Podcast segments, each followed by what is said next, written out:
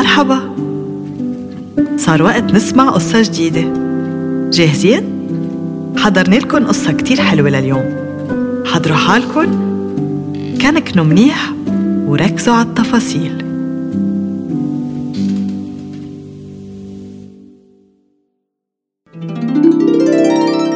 قصة سندباد. كان يا ما كان بقديم الزمان. شاب بحب الحياة كتير عايش بالبصرة. اسمه سندباد. بيو كان ترك له ورثة كبيرة فربي كل حياته مش عتلين هم المصاري. بيصرف على الرايح وعلى الجاية لدرجة في نهار بيجي لعنده عمه يلي كان حريص عليه وبيقول له سندباد تعرف قديش بحبك وبيك وصاني فيك. انت صرفت كل مصرياتك اللي ترك لك إياهم بيك. بقالك نتفة وهلأ موسم التجارة. بنصحك تشتري فيهم سفينة صغيرة وتعبيها بضاعة وتسافر مع التجار. هيك بتطلع شوية مصاري وبتعرف قيمتها. مزبوط كان سندباد يحب يتسلى كتير ويصرف مصاري. بس كان أنوع. فكر بشو قال له عمه وقبل وبلش يحضر لرحلته مع التجار.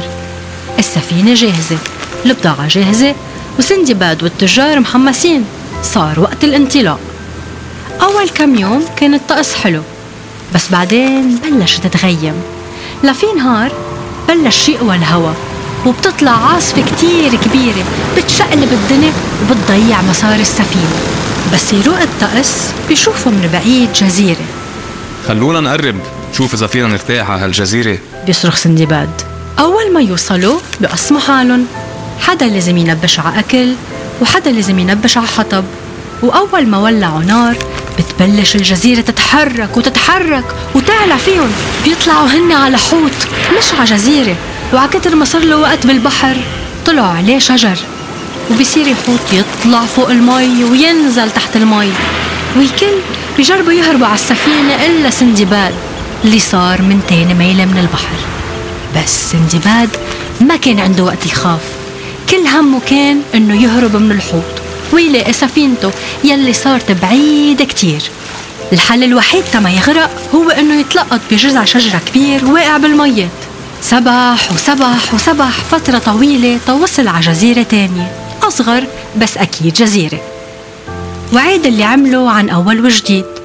نبش على أكل مي بتنشرب وولع نار تيطفى.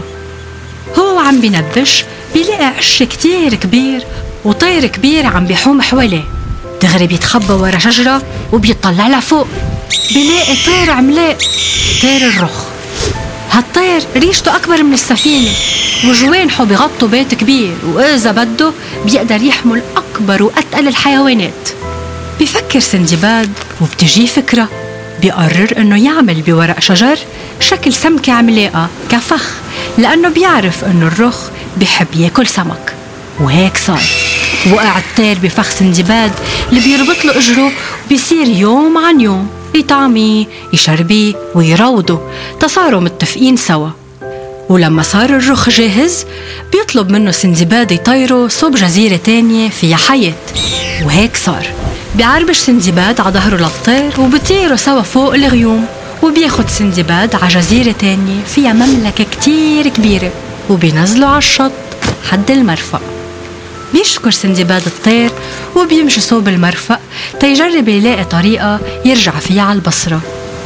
بس بيقرب أكتر بيشوف سفينة كأنها سفينته فبيركض عليها وبتطلع هي سفينته لسندباد وبيلتقى بأصحابه حدا عم بجربوا يقرروا شو لازم يعملوا لأنه كانوا ضايعين بلاه وبيخبروه إنه انخسروا كل البضاعة. اللي نصها وقع بالبحر من ورا الحوت والنص التاني انجبروا يبيعوه تيأمنوا أكل وشرب فبيقول لهم سندباد ما تعتلوا هم كله بينحل بس أول شي لازم نرجع على البصرة.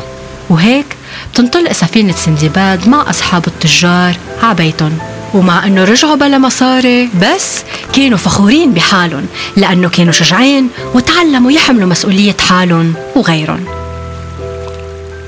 وهيدي حكايتي حكيتها وبعبكن خبيتها انطرونا بقصة جديدة.